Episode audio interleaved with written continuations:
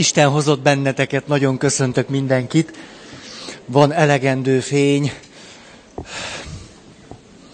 Megvolt a mai meccs.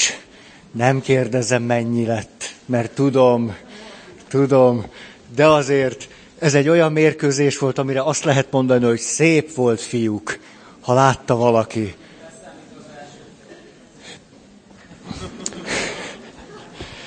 Jaj. Azt hangzott el, hogy leszámítva az első félidőt. Jaj. Na jó, ismételjünk egy picit.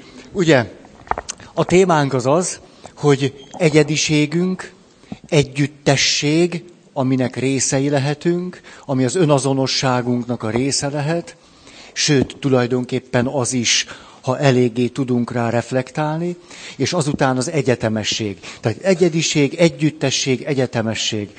És megtaláltam egy szép történetet, amit elmondanék most bevezetőként, amiben talán leginkább össze lehet foglalni, hogy mi is ez a téma. Egy vándor útnak indul, és ahogy megy és mendegél, egyszer csak találkozik egy emberrel, aki hát eléggé robotisztikus módon és fáradtan és kimerülten egy kőtömböt farag. És megkérdi a vándortőr, hogy te, hát mondanád, hogy mit csinálsz, meg miért ezt csinálod? És hogy, jaj, hát ne is kérdez, itt van az irgalmatlan kőtömb, már évek óta ilyen kőtömböt faragok. Megy tovább, lát egy másik valakit, aki szintén kőtömböt farag, de kevésbé robotisztikus módon. Valahogy azt lehet látni rajta, hogy ö, több lendület és élet van benne, és tőle is kérdi, hogy ö, látom, te valahogyan serényebben ö, kalapálod azt a vésőt, megmondanád, hogy te mivel foglalkozol? Jaj, hát tudod, többen vagyunk itt, és többen azt a feladatot látjuk el, hogy kőtömböket faragunk, mert ezekből egy oszlop lesz. És aztán a vándor megy tovább, és hogy tovább-tovább ér, egyszer csak lát egy embert, aki egészen belefelejtkezve a munkába, bár több ezer évvel ezelőtt is egy flow élmény kellős közepén tehát nem is veszi észre, hogy a vándor érkezik, úgy kell megszakítani a, ezt az élményt az érkező vándornak, és kérdi tőle, hogy te, látom, teljesen bele vagy felejtkezve itt a munkába. Hát elmondanád, hogy mit csinálsz? Egy ugyanolyan kőtömböt farag, mint az első kettő. És azt mondja, ja, hát kérlek szépen, én a barátaimmal és a társaimmal együtt katedrálist építünk. Úgyhogy ne is haragudj, ne zavar tovább, mert nagyon fontos dolgom van. Talán ez a történet lehetne akkor a, a mai évnek egy sajátos, szimbolikus képe, vagy metafor, nem tudom micsodája. Jó, és akkor gyors ismétlés, annyira jó témák lesznek, nehéz, nehéz a dolgom. Azért, mert ugye mindig egy picit előre kell dolgoznom, ezért az elő, következő két-három előadásnak az anyaga is megvan, és én tulajdonképpen abba vagyok benne. E, ezért sikerül magamat ilyen rettenetes helyzetbe hozni, hogy igazából mindig az izgat, ami majd három hét múlva lesz, és nektek azt kell elmondani, ami már nem is izgat annyira, hanem ami három héttel ezelőtt izgatott nagyon. Úgyhogy most is pont így vagyok, de de, értetek mindent vagy majdnem. Szóval, ahogy nagyon egyszerű, de fontos, általános kijelentéseket tettünk az összefüggéséről, annak, hogy egyediség, együttesség és egyetemesség, jutottunk el oda, hogy az önértékelés és önbecsülés függ a társas önazonosságunktól. Tehát nem egyszerűen csak valami teljességgel egyéni és egyedi dolog, ami csak önmagunkra tekintve van vagy nincs, hanem az együttességekhez, az egyetemességhez való viszonyunktól függ az önbecsülés és önértékelés. Aztán csoporttagként ott is arathatunk, ahol nem vetettünk. Tehát nálunknál, ahogy mi magunkat látjuk, ehhez képest értékesebbnek látott és tartott csoportokhoz, közösséghez, intézményekhez való tartozás szintén meg tud bennünket erősíteni. a többre értékelt csapathoz tartozás megerősíti az önbecsülésünket. A gyerekeknél ezt nagyszerűen lehet látni. Mondom a példát. Mikor vége van a pöttyös misének, akkor legalább 40 gyerek lejön, hogy írjam alá a mise naplójukat. Van ilyen, képzeljétek el. Nem én vezettem be. Én csak írom alá rengetegszer, hogy Feri atya, és hogy ne legyen olyan hallatlan, unalmas, a fiúkkal megszoktuk beszélni vagy a MotoGP eredményét, vagy a Forma 1 eredményét, vagy valamilyen aktuális, fontos foci mérkőzés eredményét, tehát mindig van a héten valami téma. És mi derült ki a gyerekekről, hogy miközben én, mert hogy nekem van szilárd önbecsülésem, a Toyotának nem éppenséggel fényes Forma 1-es karrierje ellenére is a Toyotának szurkolok. Nem találtam még olyan gyereket a templomban, aki ekkora őrültségre vetemedett volna rajtam kívül. Hát egy gyerek nem engedheti meg magának, hogy a Toyotának drukkoljon a Forma 1-ben, mikor a Toyota még egyszer sem nyert, ne is várjuk el egy hét éves gyerektől, hogy egy olyan csapatnak szurkoljon, amely még sosem nyert. Hát ilyen őrültséget egyetlen gyerek sem tesz ösztönösen. Kivéve, ha sokkal előbb még jobban megsérült. És akkor ilyen egyéni, sajátos dolgok lehetnek. Tehát édesapám a Toyotánál dolgozik, nagypapám alapította a Toyotát, vagy ilyesmi. Ez, tehát ezek, ezeket nevezhetjük kivételnek. Tehát épeszű gyerek, hát nyilván megáll előttem, már az is nagyszerű neki egyébként, hogy tudja, hogy én egy vesztett csapatnak szurkolok, ami a Forma egyet illeti. Ha a pénztárcánkat nézzük, akkor én a győztes csapathoz tartozom, mert a Toyota a... igen, igen, megbízható.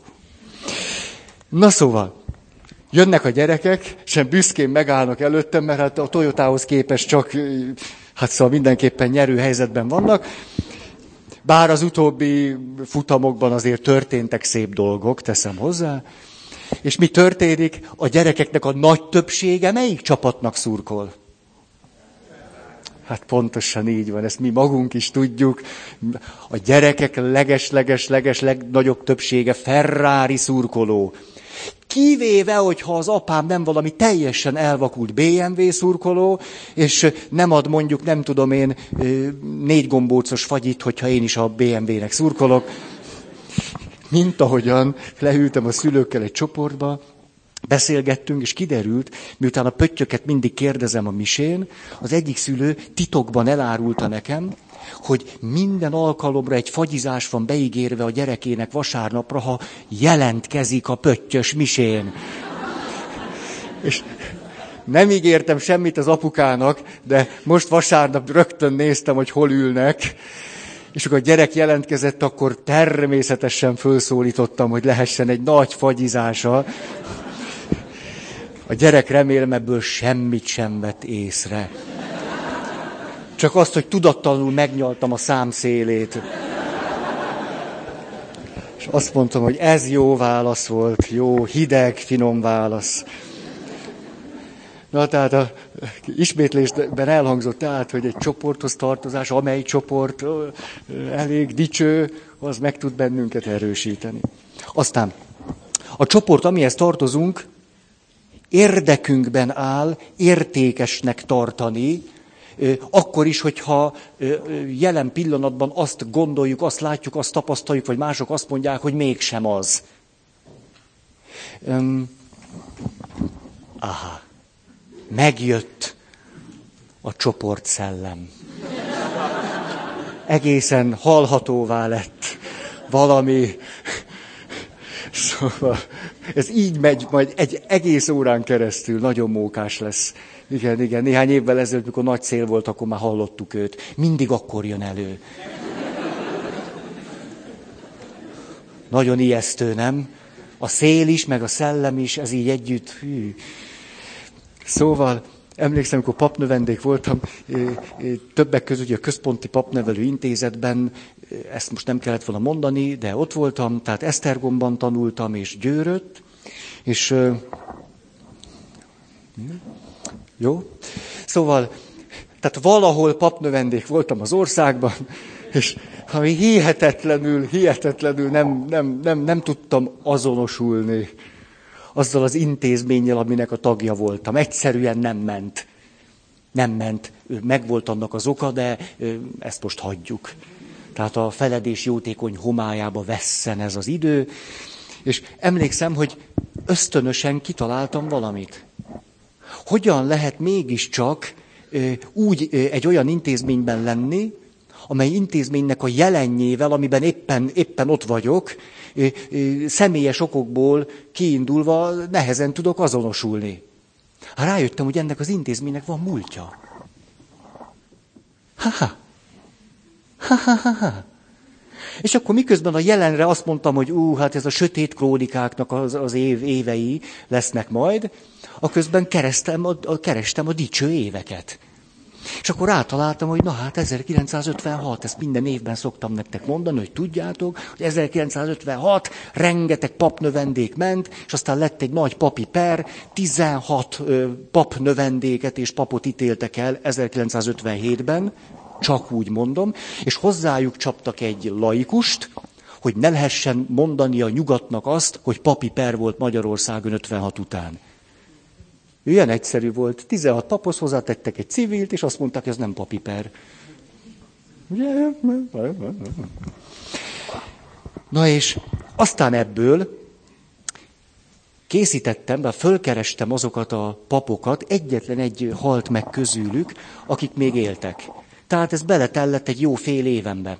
És öt óra anyagot forgattam a velük való beszélgetésből, majd pedig összevágtam belőle egy filmet. A filmet beadtam egy pályázatra. A pályázatot Nemes Kürti tanár úr, nem tudom én, ülnökölte, bírálta. És akkor azon túl, hogy elismerésben részesültem, azon túl megkérdezte, hogy arra lennék kíváncsi, hogy hogy jutott magának eszébe ez az ötlet. Hogy, szed, hogy szedege, hogy honnan szedte ki maga ezt a történetet? Ez egy hihetetlen izgalmas történet. Azóta két rendező készített belőle dokumentumfilmet. Mind a két rendező fölhívott telefonon, hogy maga az a valaki, aki... Igen, én. De miért akartam ezt elmondani? Hogy kívülről azt lehetett látni, hogy, hogy kinek, kinek jár az esze, és aztán fél évet dolgozik azon, hogy ötven évvel ezelőtt más papnövendékek, nem tudom, hogy stencilezték Mincentinek a beszédét, meg hogy rejtettek el forradalmat, miért, miért szám valaki erre időt? Hát ezért. Az önazonosság, az önbecsülés megerősítéséért. Többek között. Ez egy belső motívum volt. Aztán a saját csoportunk megbecsülése elemi szinten összefonódik más csoportok leértékelésével, vagy a velük szemben való közönösséggel. Roppant szomorú. De hogy a saját csoportunkhoz való tartozás összefonódik más csoportok leértékelésével, vagy a közönösséggel. És aztán vége láthatatlanul tudnánk mondani a példákat az úgynevezett csoportközi konfliktusokról. Hogy a csoportközi konfliktusoknak nem egyszer a rejtett dinamikája és rugója az, hogy a csoport tagság megerősítése érdekében a lehető legjobb módszer ketté osztani a világot, hogy mi és ti, és utálni a tiket. És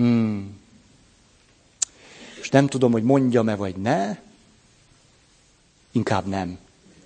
De a többit úgy is tudjátok. Tehát anélkül is tudjátok, hogy mondanám. Tehát, na. Jó. A következő. A kisebbségi csoporthoz tartozás erőteljesen önazonosság, önértékelés meghatározó tényező. Nagyon érdekes kutatás, nagy családok, több fiú, több lány. Több fiú, egy lány. Sok fiú, egy lány. Ezt, ezt mondtam az előbb is? Úgy erre áll rá az agyam. Tehát férfiak, férfiak, férfiak. Na. Tehát sok lány, egy fiú. És mi derült ki?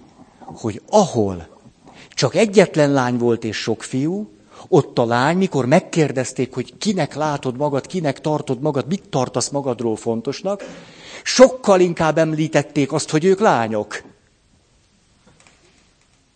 Ha három fiú volt, három lány, kevésbé volt fontos, hogy fiúk és lányok.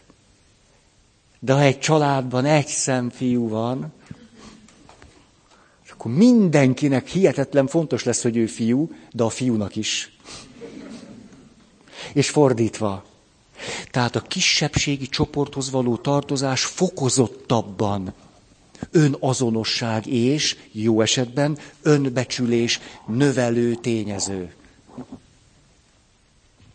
Ugye főleg, hogyha lehet azonosulni vele. Éppen most valamikor ismételték Demi Moore-nak azt a rettenetesen rossz filmjét, amikor kopaszra vágatja a fejét, vagy a haját, és beáll katonálnak. Ugye? És ezt a dinamikát jól lehet ott látni. Roppant, roppant érdekfeszítő film. Roppant. Tehát együtt szurkolunk azzal, hogy sikerüljön férfivá válnia, ami egészen a film végéig nem sikerül neki, és így aztán valahogy mégiscsak némi könnyes megértéssel vagyunk iránta, hogy valami mégiscsak sikerült. Na, hét. A csoportközi konfliktus a legerőteljesebben járul hozzá a csoportagság tudatának fölerősítéséhez. Ez az előző gondolatnak még jobban elmélyítése. Tehát a csoportközi konfliktus járul hozzá legerőteljesebben a csoporttagság elmélyítéséhez.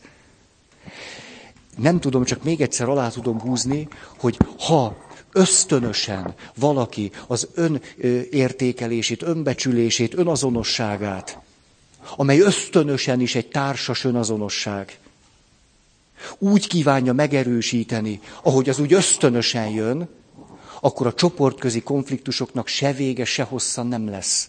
Akkor szép lassan ebbe fogunk bele degleni. Ezért volna óriási jelentősége annak, amiről évekkel ezelőtt beszéltünk, hogy az önbecsülésnek van-e olyan forrás, amely men mások kárára, nem mások rovására, nem a versengésből és egyebekből fakad, ezről bőven beszéltünk.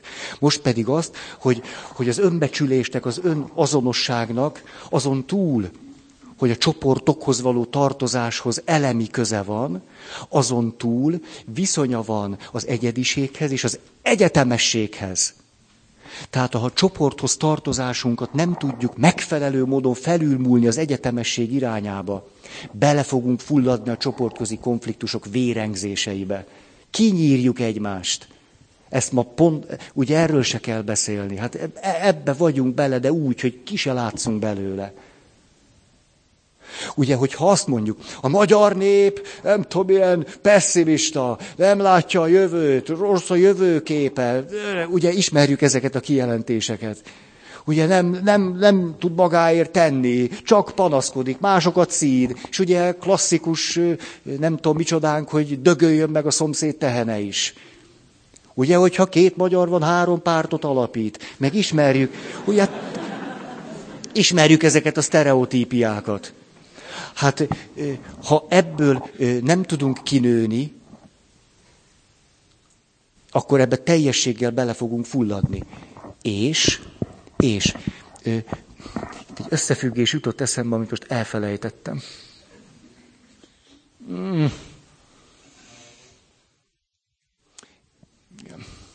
Elfelejtettem, pedig annyira fontos volt. Szóljon valaki, a tudja. Csak van itt van egy-két médium, médiumok, szóljatok, ha tudjátok, mit akartam mondani. Valószínűleg ez a délutáni foci meccs soha nem szoktam ilyet tenni. Ugye mindig készülök az előadásra.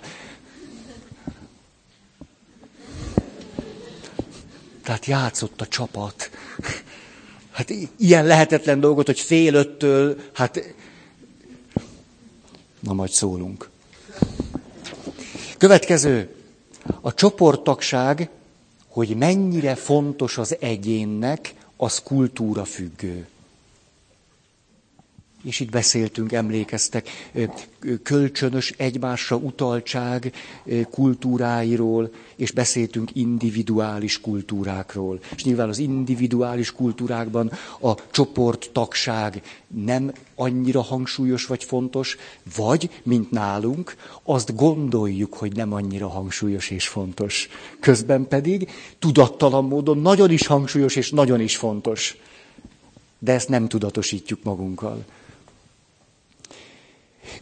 Ezért aztán a kutatások azt mondják, az Egyesült Államokban több a csoporthoz való tartozás, az emberek sokkal több csoporthoz tartoznak, mint mondjuk nálunk, vagy mondjuk egy muszlim országban, de a csoporthoz való tartozásnak a köteléke jóval gyöngébb, felszínesebb. A kölcsönös egymásra utartság kultúráiban pedig kevesebb csoporthoz tartoznak a tagok, de sokkal, sokkal, sokkal elemibb módon. Nézzük csak meg azt a különbséget, hogy hányan ezren és tízezren váltak keresztény, valamiképpen keresztény ember, kultúrkeresztény, vagy megkeresztelt, vagy a keresztény kultúrában élő emberből muszlimmá, és milyen döbbenetesen kevesen fordítva. Arról nem is beszélve, hogy próbálj meg egy muszlim országban keresztény lenni. Na, az maga a pusztulat. Így ezt kár volna szépíteni. Mikor Helsinki-ben voltam tavaly, ott beszélgettem egy török fiatalemberrel, egy több gyerekes apukával, aki Törökországban lett muszlimból keresztény. Jelenleg Helsinki-ben él, ez tűnt egy a megfelelő távolságnak.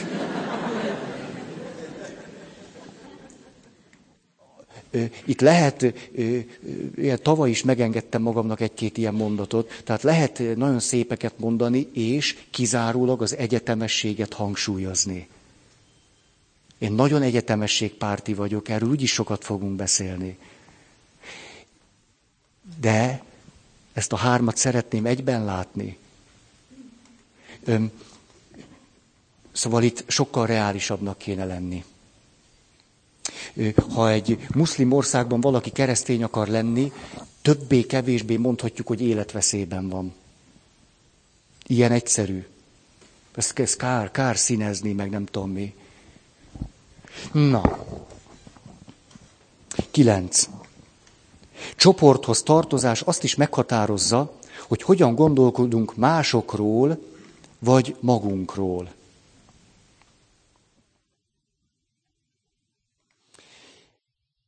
Hirdették nekünk néhány héttel ezelőtt, itt volt András testvér, hogy tezéi találkozó Pécsett.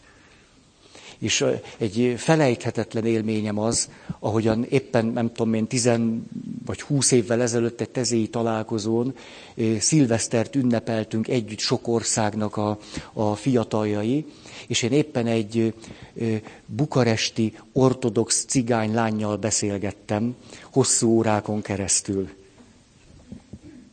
És hogy ez a beszélgetés számomra egy elemi élményt jelentett ahol át lehetett lépni egy csomó sztereotípiát, előítéletet, és mindenféle ilyen kulturális és csoportközi ezt-azt. Egy elemi élményként hordozom ezt, hogy az első ember, aki nem tudom én 2001-ben, tehát 2001-ben, jóval előbb, 96-ban, 7-ben, akivel kocintottam ünnepelni az új esztendőt, az egy ortodox bukaresti cigánylány volt. Ó, de jó lenne, egyszer még találkoznék vele. Na, csoportakként látni magunkat, ez volt ez, ez, ez. Igen, 11. A csoporttagságot igyekszünk felhasználni pozitív önértékelés és a jó közérzet érdekében. Ó, például, van-e köztetek olyan, aki motoros? Nem motoros fűrész, meg egyéb, tehát ilyen egyszerű motorosok. A motorosok a csoport tagságukat nagyszerű módon alkalmazzák arra, hogy a közlekedésben a jó közérzetüket biztosítsák, és ráadásul a csoport minden tagjának kölcsönösen biztosítsák a motorosok a jó közérzetet. Mégpedig azon a módon, ha ezt nem tudtátok volna, nem láttátok volna, vagy nem tennétek motorosként ejnye-bejnye, hogy egy rendes motoros egy rendes motorosnak köszön. Kezével. Lábával. Valahogy köszön. Muslincákat, valamit csinál. Köszön. Micsoda megerősítő dolog. Kimegyek a motorral, és egyszer csak a szembejövő motorosok köszönnek, integetnek, üdvözölnek. És akkor megérkezek a célomhoz, azt mondom, igen, ez, na, ugye, érdemes élni. De sok jó csávó van itt. Oh. Na. A csoporthoz tartozás akkor is pozitívan hathat a közérzetünkhöz, közérzetünkre, önbecsülésünkre, ha a csoport nem egyértelműen pozitív. Ennek a legszélsőségesebb példája, hogy a börtön tele van bandatagokkal, akik az életük árán is ragaszkodnak a bandatagságukhoz. Természetesen egy pont után nem csak önszántukból.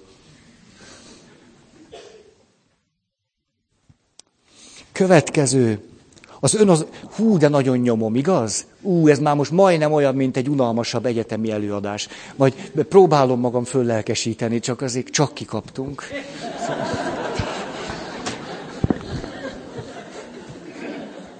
Akarok róla beszélni?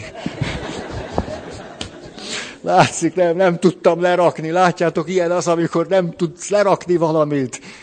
Rossz közérzet túl kellett, kellett volna valakit föl kell. Látjátok a nők milyen bölcsek. Egy nők egy ilyen meccs után, ugye? Ahogyan néztétek fél öttől fél hétig, hát már is hívják a barátnőjüket, ugye? Hármas sípszó után már csörög a telefon, láttad? Láttad?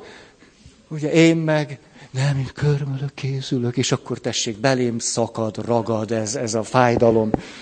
Nem, nem bírok lelkesedni, mikor Három, kettő. Na nem, de baj. Még bronzérmesek lehetünk. Ugye? Na jó, látom, hogy a nőket ez mennyire föl spannolta. Hát szóval. Na, akkor mondok egy poént.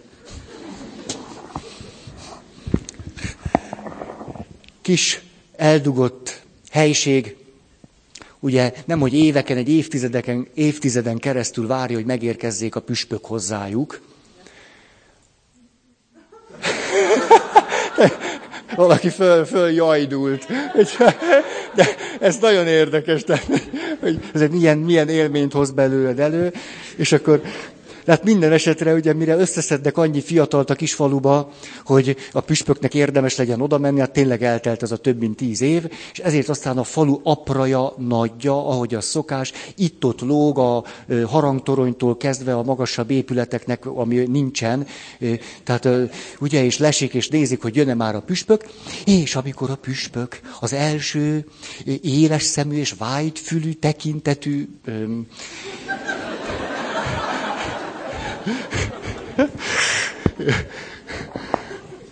ember előtt valamiképpen földereng, akkor fölkiált a maga módján, ahogy ő tud igazán tisztességesen, becsületesen. Fossatok, fossatok a püspök elé!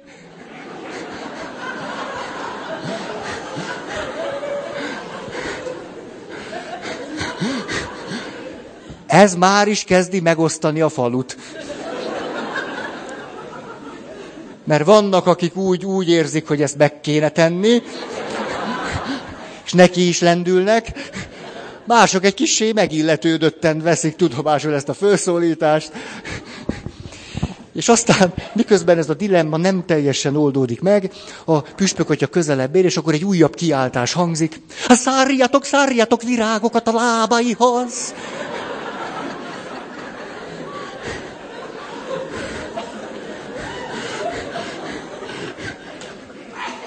És mire a püspök a bérmálandókhoz ér, a falu súlyos kettészakadásban van, kaszák, kapák kerülnek elő, villannak a vasak, hogy most akkor mit évők is legyenek. Most, most elmondtam ezt a történetet, na tehát, hogy az elején kezdjem. Ezt a történetet a búcsúi ebéden hallottam egy paptestvéremtől, majd továbbadtam egy hitoktatói konferencián, ahol valaki fölnyerített, lehetett hallani, hogy valami saját élménye támad. És, és ugye minden szem rá szegeződött, és akkor már nem tudta elkerülni, hogy nem mondja el a saját történetét, mert ugyanis az ő édesapja történetesen egy kisfalunak a polgármestere volt jó pár évvel ezelőtt, és a kisfalu polgármesteri hivatalában éppen ugye egy szám maga ott dolgozott még este felé, amikor is és ahol is a kedves takarító néni éppen takarított mindenfelé, és amikor odaért, akkor nem tudta, hogy most ő zár, vagy a polgármester zár, és akkor a következő kérdést intézte a falu nagyjához. Jóska bácsi, beszárhatok?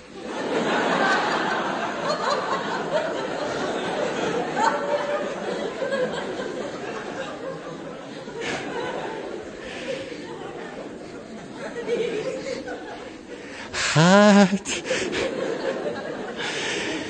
kiderült, hogy ez a kérdés nem is olyan könnyű. Nem könnyű megválaszolni.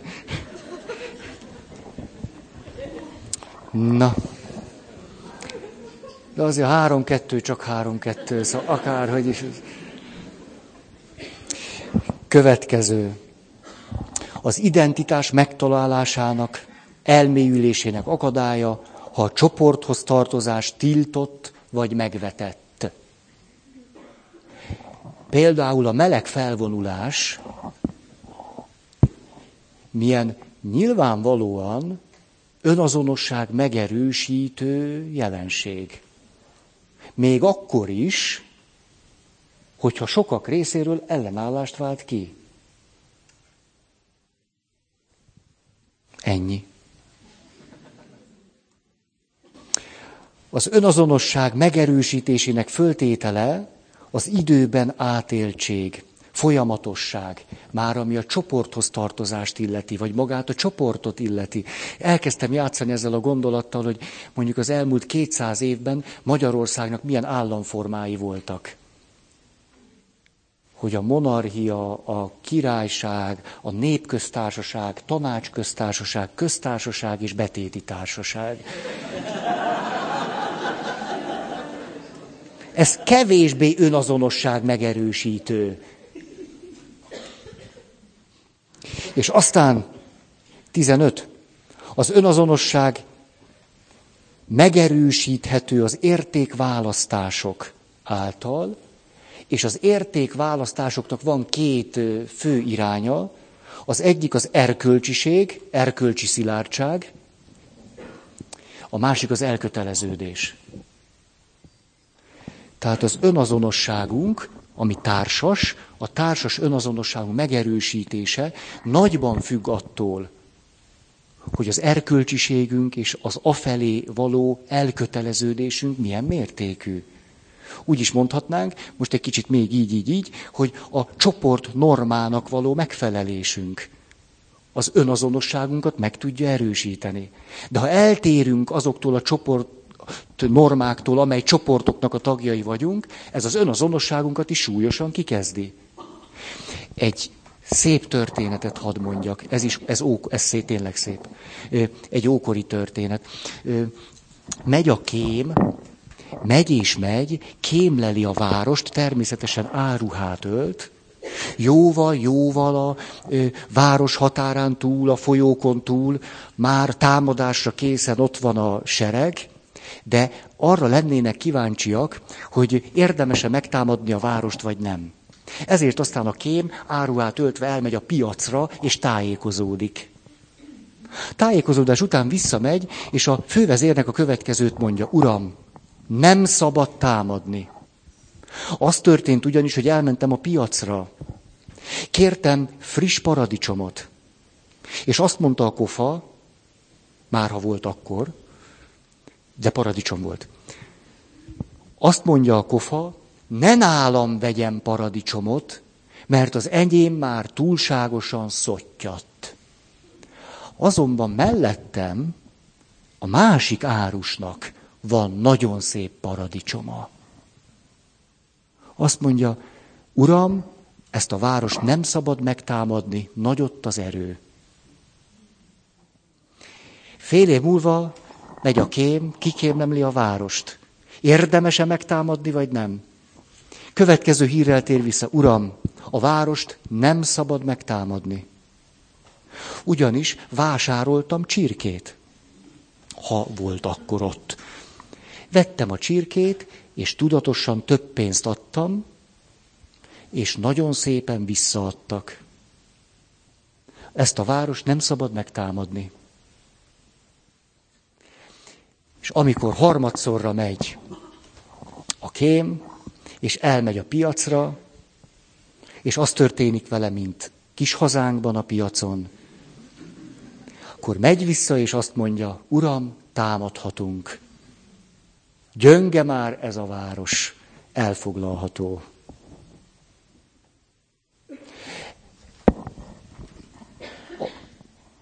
Biztos, hogy közös élményünk az, hogyha ötezresből, tízezresből, húszezresből adnak neked vissza, akkor meg kell várni, míg minden pénzt visszaadnak. Különben szinte nincs olyan hely, ahol ne játszanák el veled a trükköt, hogy mintha csak ötösből adtál, tízesből, vagy nem tudom miből adtál volna vissza. És, ja, és akkor úgy utólag még odaadják a tízesedet, meg az ötösödet. Hihetetlen ez, döbbenetes. Ahogy most utaztam, legnagyobb meglepetésemre egy autópálya kapunál is megtették volna velem valamelyik országban. És megköszöntem Istennek, hogy magyar vagyok. Istenem, ha nem itt nőttem volna föl, most komoly pénzekkel lennék szegényebb. De hát egy magyart, egy autópálya kapunál átvágni, na nem már.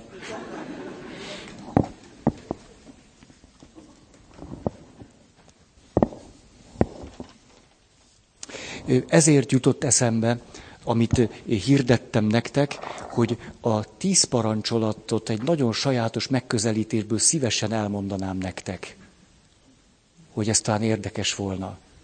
Mert hogy úgy tűnik akkor, hogy egy alapvető csoportnorma, vagy nem is tudom milyen normának nevezzük a tíz parancsolatot, az ahhoz való, az az önazonosságot meg tudja erősíteni. Hm, érdekes lehet. És most jön az, ezt nagyon szeretném nektek elmondani. Ugyanis arról majd még lesz szó, hogy a csoportközi konfliktusok, miközben sajátosan meg tudják az önazonosságunkat erősíteni, a közben éppen beledöglünk. Csak úgy együtt. Hogy azonban létezik egy másik nagy dilemma, ez pedig a társas dilemma nevet viseli szociológusok, szociálpszichológusok ezt állam sokkal jobban tudják, mert én csak egy pap vagyok. Viszont a társas dilemma a következő. Mondom, próbálom nagyon pontosan mondani. Minden résztvevő egyéni nyeresége nagyobb, ha elpártol a közösségtől, mint ha együtt működik. De ha mindenki elpártol, akkor mindenki veszít. A következő nagyon egyszerű kísérlet, amit rengetegszer megismételtek, és ilyen, olyan és amolyan formában, és mindig ugyanaz jött ki. Azt majd mondom, hogy mi. Ez pedig az, hogy van hét csoporttag. Minden egyes csoporttag kap öt dollárt. A következőt mondják nekik. Ha a hétből négyen visszaadják az öt dollárt, akkor a közösből mindenki kap tizet. Oké okay, a helyzet? Tehát, ha négyen odaadják az ötöt, akkor nekik nulla lesz. De ha lesz legalább négy, aki a maga öttjét odaadja, és reszkírozza magyar szóval, hogy egy kicsit nullán áll, de mert legalább még rajta kívül hárman beadták az ötöt, tizet fog majd kapni. Tehát öt dollár nyereséggel zárul ez a történet, mindenki számára, ha van legalább négy, aki a maga öt dollárját beadja. Ugye, mert ötről indult, visszaadta, akkor nulla, de kap tizet, az öt dollár nyereség, ráadásul minden csoporttagnak. Mi ebben a dilemma? Hát nem kell nagyon mondani. Ugyanis ha azt mondom, hogy csak lesz a hétből négy, aki beadja az öt dollárt, akkor ennek az lesz a következménye, hogy nekem 15 dollárom lesz. Tehát az egyéni nyereségem nagyobb lesz, mintha négy ember, vagy akár mindenki beadná az öt dollárt. Ez hozza létre a dilemmát. Mi derül ki a kutatásokból újból, újból és újból és újból? Szerintem nem is kell elmondanom. Azt, hogy a kapzsiság erőt vesz a csoporttagokon. Újból és újból erőt vesz a csoporttagokon. Ennek pedig hosszú távon az a következménye, hogy mindenki egyre rosszabbul jár. New Englandi halászok története egy ilyen klasszikus történet itt. Annyira kihalázták a halakat, amely a megélhetésüket és a családjaik megélhetését is biztosítja, hogy ez már az egész közösség továbbélését is fenyegeti. Mit lehet ilyenkor tenni? Erről majd szeretnék bőven beszélni, csak most a példa, hogy jobban lássuk ezt a társas dilemmát. Nyilvánvalóan nagyon egyszerűen azt mondja, hogy hát ez könnyű megoldani. Hát ezzel semmi nehézség nincsen. Hát egyszerűen mindenkinek be kell látnia, hogy hosszú távon mindenkinek az az érdeke, hogy korlátozza az egyes ember azt, hogy mennyi halat fog ki. Így a halak megint föl tudnak szaporodni, és hosszú távon mindenki sokkal jobban fog járni. És mi történt? Az történt, hogy az egyes halászok fokozták a halkitermelést. A társas dilemmát nem tudták megoldani. Erre mi történt? Törvényeket hoztak a kihalászható hal mennyiségéről. Mi történt? Törvényeket senki sem tartotta be. Ö, tessék? Igen. Nem lehet? Ja, ja, ja, hogy igen, igen. Igen, hogy biztos New England volt-e az a Magyarország. Tehát ez New England volt, tényleg, tényleg. tényleg. ahogy olvasgattam, nagyon elkezdett izgatni ez a téma. Ezután, ahogy olvasgattam, olvasgattam, vannak olyan szerzők, amerikai szerzők, európai szerzők, férfiak, nők, szóval olyanok, mint mi, egészen odáig merészkednek, ha az emberiség a társas dilemmákat nem tudja megoldani, akkor el fog pusztulni. Ilyen egyszerűeket mondanak. Ha a társas dilemmát nem oldjuk föl, végünk. És ezért el szeretném nektek mondani, hogy hogyan lehet a társas dilemmákat feloldani. Hogy milyen lehetőségeink vannak arra, hogy a társas dilemmát megoldjuk vagy feloldjuk. Mert ez úgy tűnik, hogy hihetetlen elemi módon az életünkről szól. Már most ez úgy hangzott, most én megmondom, hát elolvastam okos emberektől. Csak elmondom nektek. Szóval,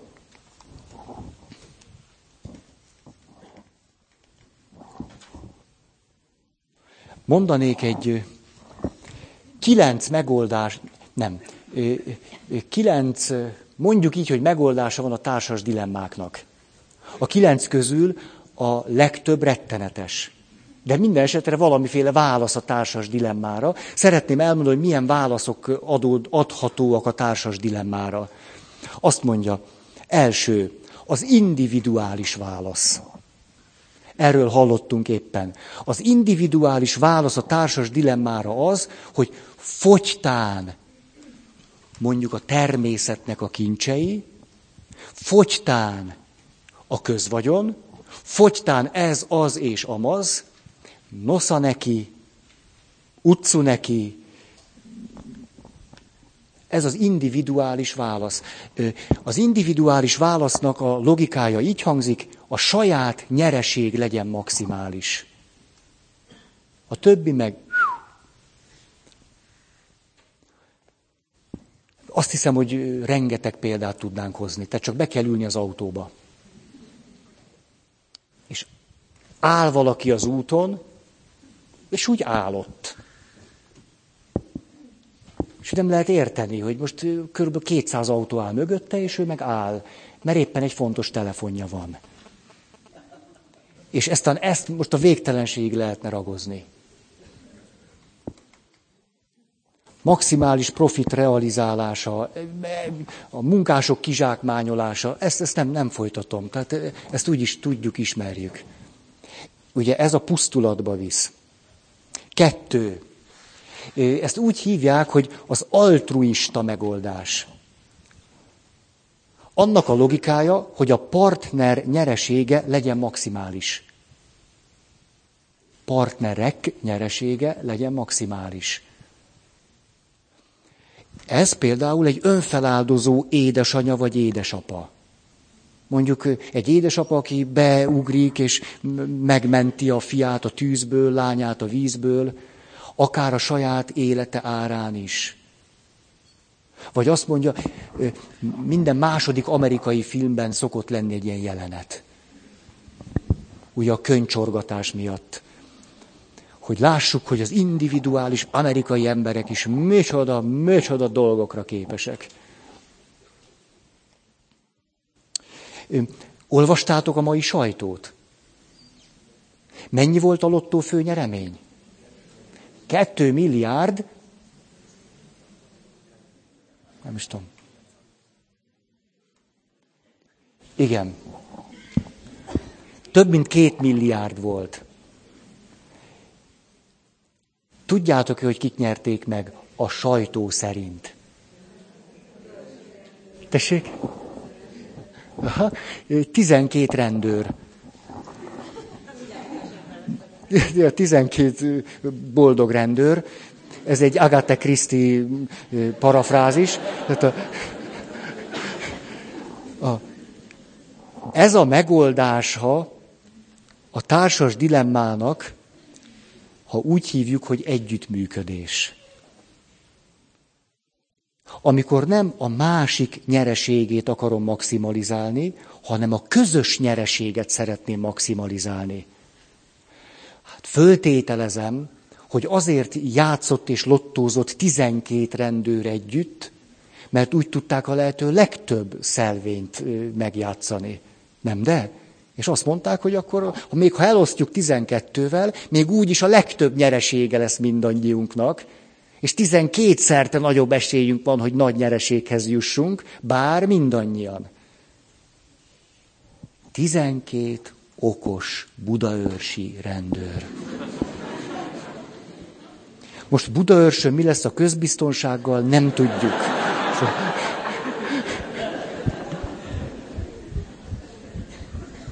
A másik, azt meséli egy ö, ismerősöm, akivel ott Finnországban, Helsinki-ben ismerkedtem meg, ö, fölmászott a Mont Blancra, elment Lapföldre, föl, aztán át Svédországba, szóval egy ilyen űrge. Azt mondja, hogy télen a lapföldön a következő a rendszer. Hideg, hó, a többit nem is mondom. Mi következik ebből? Mennek az emberek gyalog. Ugye mennek ott, ott, ott. Vannak különböző menedékházak. Lehet tudni, hogy nem tudom, mondjuk olyan 20 kilométerenként, olyan 20 kilométeres körzetben találsz menedékházakat. A menedékházba, ha beérkezel, vár meleg. Ez nagyon nagy dolog. Igen ám, de a menedékházak természetesen nem túl nagyok. Mi történik akkor, ha túl sokan vannak vagy érkeznek a menedékházhoz. Ez egy társas dilemma. Most én járjak jól, vagy járjon mindenki jól, ott a hidegben, a fagyban, a télben, a hóban.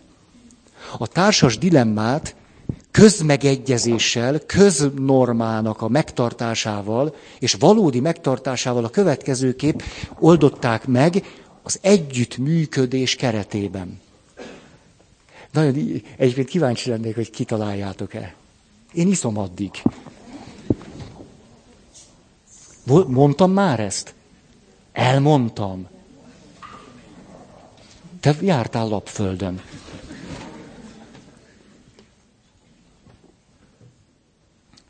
A dilemma megoldás, te tudod, tippez, na?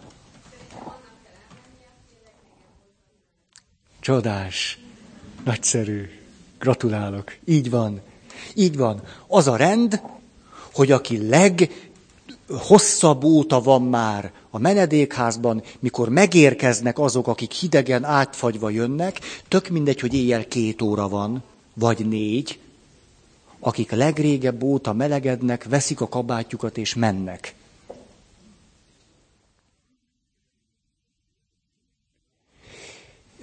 Az ismerősöm, aki ezt átélte, természetesen az ő sajátos magyar logikájával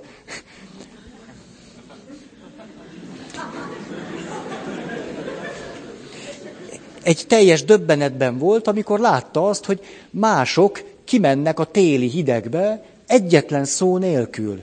Tehát nem arról volt szó, akik megérkeztek, figyelmeztették a normára azokat, akik már ott voltak, nem. Akik ott voltak, tudták, hogy ők vannak itt legrébb, vették a kabátot és mentek. Hogy legyen helye azoknak, akik jöttek.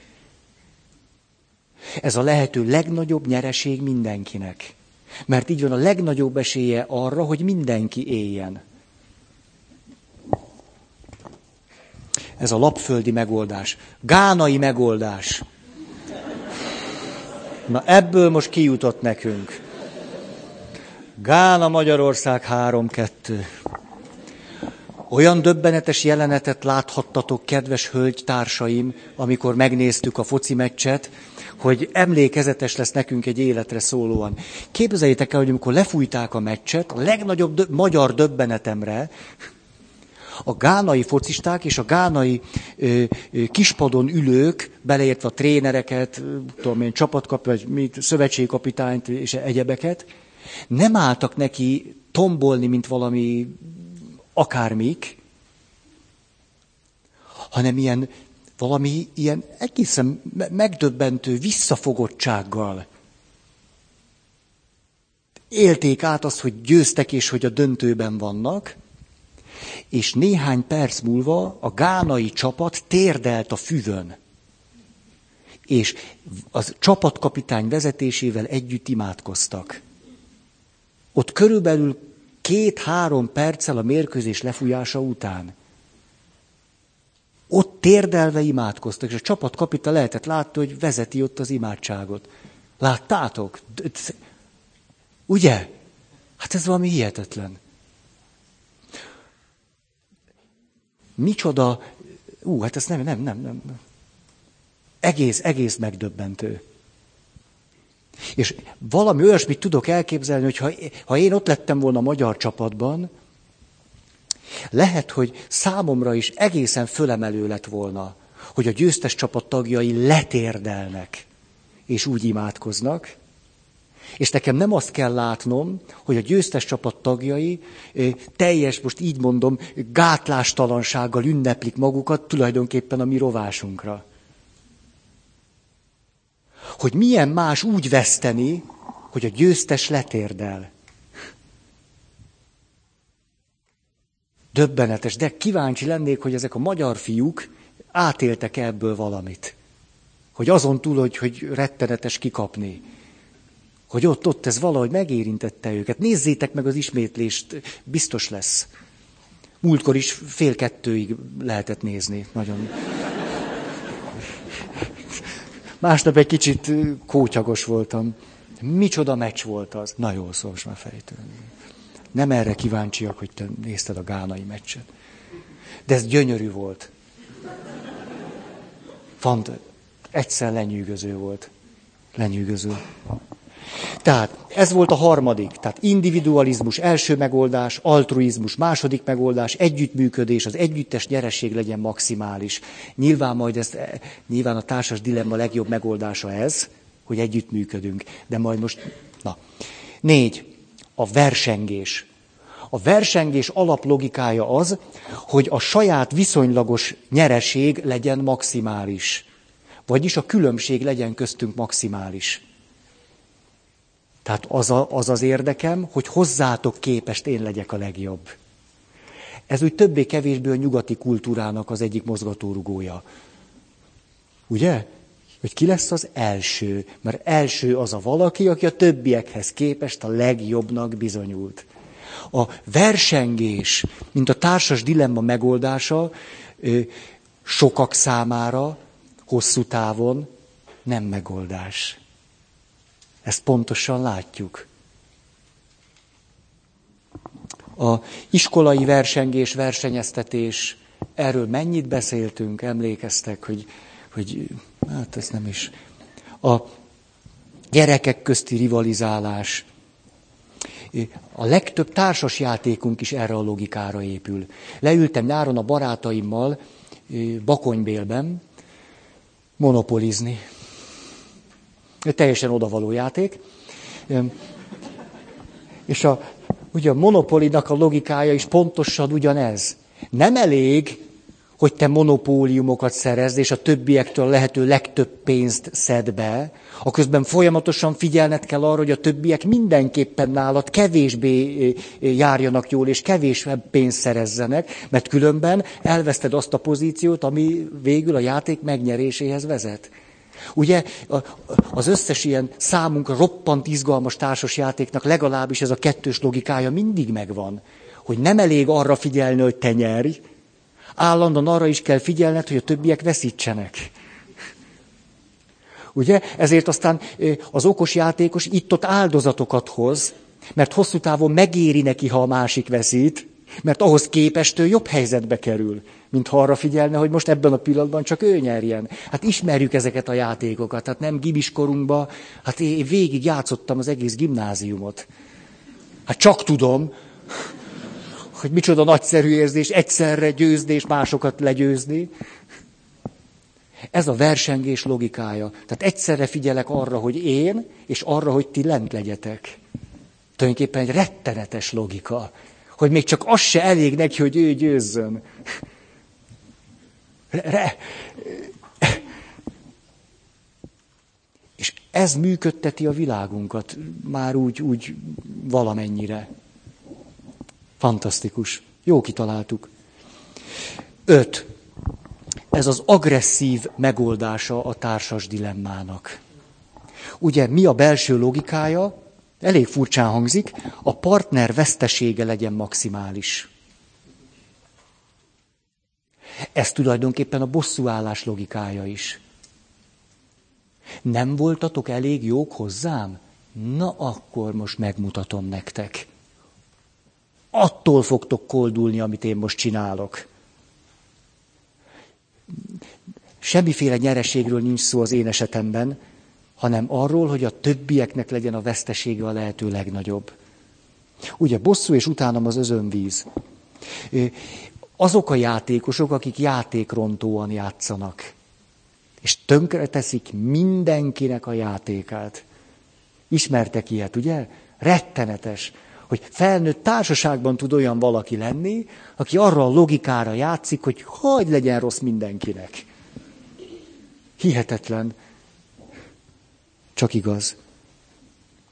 A, ismeritek, vissza tudtok emlékezni gyerekkorotokra? Mikor fociztatok, és mondjuk valaki, valakit a csapat kiállított. Ugye, amikor már kicsit árnyaltabbak a normák, ugye? Kiáll, mert hogy nem essen, essen. És mit csinál a kiállított játékos? Megfogja a labdát, és elrohan vele. Ez ismerős, nem? Vagy hát én meg gyerekkoromból azt ismerem, Játsszuk a táblás játékot. Kis millió, kis, kis bögyöm, ögyöm, tötyöm, tötyöm, tutyum, izém. És akkor mi történik, amikor valaki kiüt, meg ne neves korán, meg egyszer csak ott találod magadat a startmezőn, így fölütöd a táblát így alulról, így, és hogy szállnak ezek az izék. Ha jól emlékszem, én is csináltam ilyet. Nehéz volt megtanulni veszteni. Hát ez ez. Ez. Tehát ez az agresszív válasz, a többiek vesztesége legyen maximális. És nem is olyan ritka. Hat. Mazohizmus. A logikája, a saját veszteség legyen maximális. És azt hogy na ilyen nincsen. Hát nem, nem, nem, nem, nem, de van. A saját veszteség legyen maximális. Például, mikor valaki megharagszik a családjára, mondjuk egy serdülő, és azt mondja, hát én akkor most megmutatom nekik, hogy, és bevesz egy csomó gyógyszert. Ez ő és a családja közti sajátos konfliktusnak egy olyan megoldása, amelyben azt választja, hogy a saját veszteség legyen maximális. És ez a nagy saját veszteség persze sajátosan ébressze föl a családtagokat, hogy milyen gonoszak voltak vele. És hogy egy kisgyerekről van szó, akkor ez egy elég relatív dolog tud lenni, ha nagyobbról, akkor meg tud nagyon reális lenni. És az illető mégis ezt választja. Nem azt mondja, hogy mondjuk, hogy jó, hát akkor maradjanak maguknak, én meg elköltözök. Hanem inkább megöli magát. Hetes. Mártíromság. Mint a társas dilemma megoldása. A mártíromság logikája így szól, a partner diktálja a saját nyereséget és veszteséget. Tehát te diktálod, hogy én mennyit nyerek vagy vesztek. Te diktálod, hogy nyerek-e vagy vesztek-e. És én... A, ugye szoktak ilyet mondani, mikor egy családban egy anyai önfeláldozásból túl sok van. Ugye, és akkor ezt szokták mondani, hogy mártíromkodik az anyám. Ugye, mert arra a kérdése, hogy mit csináljunk, ugye az anyának 50 évig egy válasza van, hogy hát ahogy akarjátok. És ez nem a legnagyobb nyereség a csoport számára. Hoppá! Az anya azt gondolja, hogy a mártíromság hozza a legnagyobb nyereséget a csoportnak, jelen esetben a családnak, a család pedig bőszülten próbálja megértetni az anyával, hogy nem, hogy a csoportnak nem az a legnagyobb nyereség, ha van benne egy mártír. Az összes édes íz a számba megkeseredik. Hogy egy családnak a legnagyobb nyereség az, ha ott nincsen mártír. Ejnye. Ezért az a nagyon önfeláldozó édesanya valójában nem a csoport javáért tesz. Nagyon csúnyán hangzik, amit mondtam. Nem. Nyolc. Ha!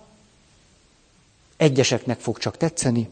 Szadó, mazohista megoldás. Ez pedig hogy az együttes veszteség legyen maximális. Na, látjátok, lehet fokozni. Tehát, tehát mazohista megoldásnál van egy még olyanabb. A, nyilván ez az, amikor dögöljön meg a szomszéd tehene is. Na ez az együttes veszteség legyen, legyen maximális. Társas házakban, ha valaki él,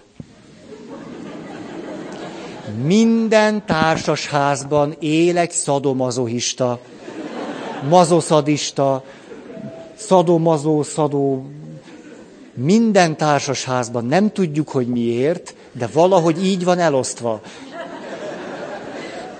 Ez egy ilyen sajátos, hogy hívják ezt? Van erre valami szép külföldi szó.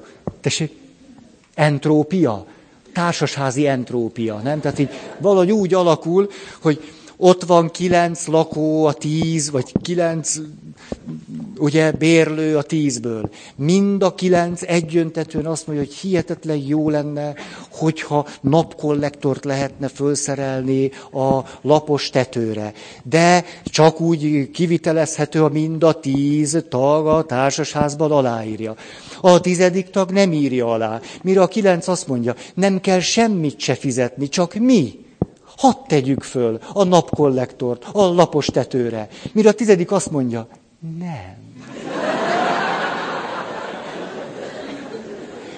Mert ameddig ő ebben a társasházban lakik, amit még az ő apja véres verejtékkel épített, addig itt nem lesz napkollektor, nem lesz nyílászárók cseréje.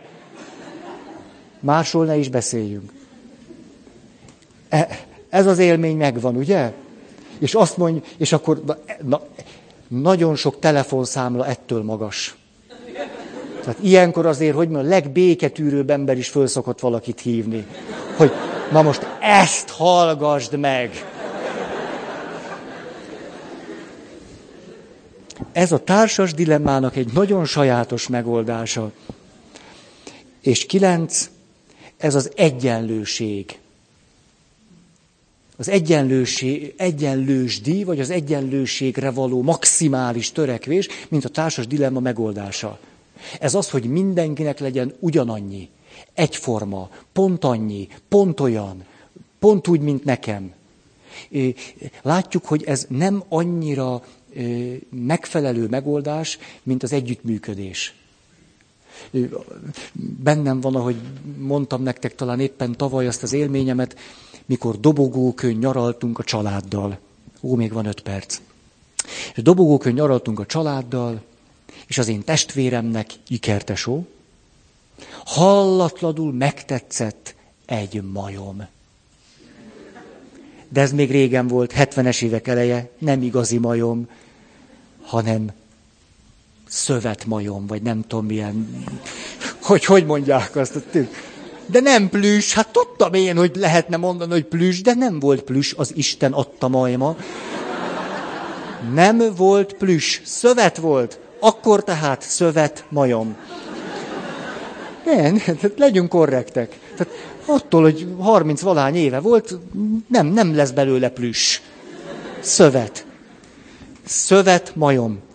A testvérem meglátta, dobogókőn, az egyetlen kisboltban, ott a kirakatban, ahogy rámosolyog a szövetmajom. Ez rögtön megdobogtatta gyermeki szívét, és a következő mozdulattal édesanyám karjába kapaszkodva már húzta is őt, hogy vásárolja meg neki a szövetmajmot. Édesanyám, mint jó anya, természetesen, vagy nem annyira, megvásárolta a szövetmajmot. A következő kérdés azonban az volt, van még egy szövetmajom? Mert nekem meg van még egy gyerekem. Ezek meg itt ikrek. És akkor, mert hogy dobogókő, akkor sem volt egy nagyváros. A kisboltnak a vezetője szomorú, csüggetek szívvel állította édesanyámnak a valóságot, hogy sajnos szövetmajomból itt dobogókön csak egy van. Édesanyám pedig megrettent, hogy ez a szövetmajom pedig már a testvéremé ami önmagában nem lenne baj, ha nem volna neki egy testvére. És tudjátok, milyen érdekes volt, én ott voltam gyerkőcként, és mert volt már előtörténetem, én örültem annak, hogy a testvéremnek lett egy dobogókön megvásárolható, egyedi, exkluzív szövetmajma. Ezzel én teljesen megbékéltem, és akkor édesanyám kérdezte, hogy na akkor most mi, hogy oldjuk föl ezt a társas dilemmát? Mondtam, hogy nem kell föloldani, mert nem képes vagyok veletek az együttműködésre.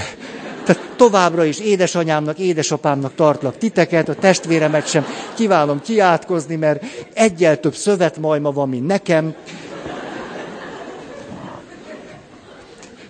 És hogy köszönöm szépen, szóval tudok boldogan élni. Hogy, hogy nem, nem. És akkor emlékeztek a történet befejezésre, hogy az édesanyám pedig ezt a dilemmát úgy akarta feloldani, hogy nem, nem, nem, egyenlőség, és ezért kaptam egy nem plüss, hanem szövetoroszlánt. Amit akart a fene.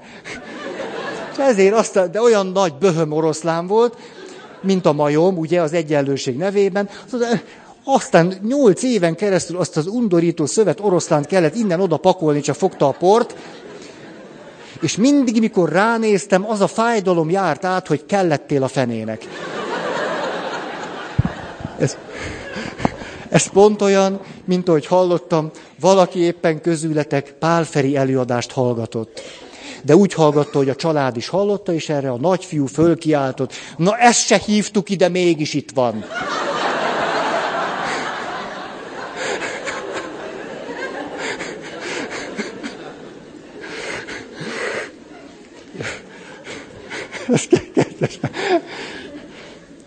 A társas dilemmának azért sem volt jó megoldása ez, mert meggyőződésemmé vált később, hogy ez a szövet oroszlán egy másik gyereknek nagy örömet okozhatott volna. Én meg elvittem. Hm. És azt hiszem, hogy most akkor be kéne fejezni. Ha van vannak még állataitok, talán ma este egy picit megsimogathatjátok őket. Akar-e valaki hirdetni?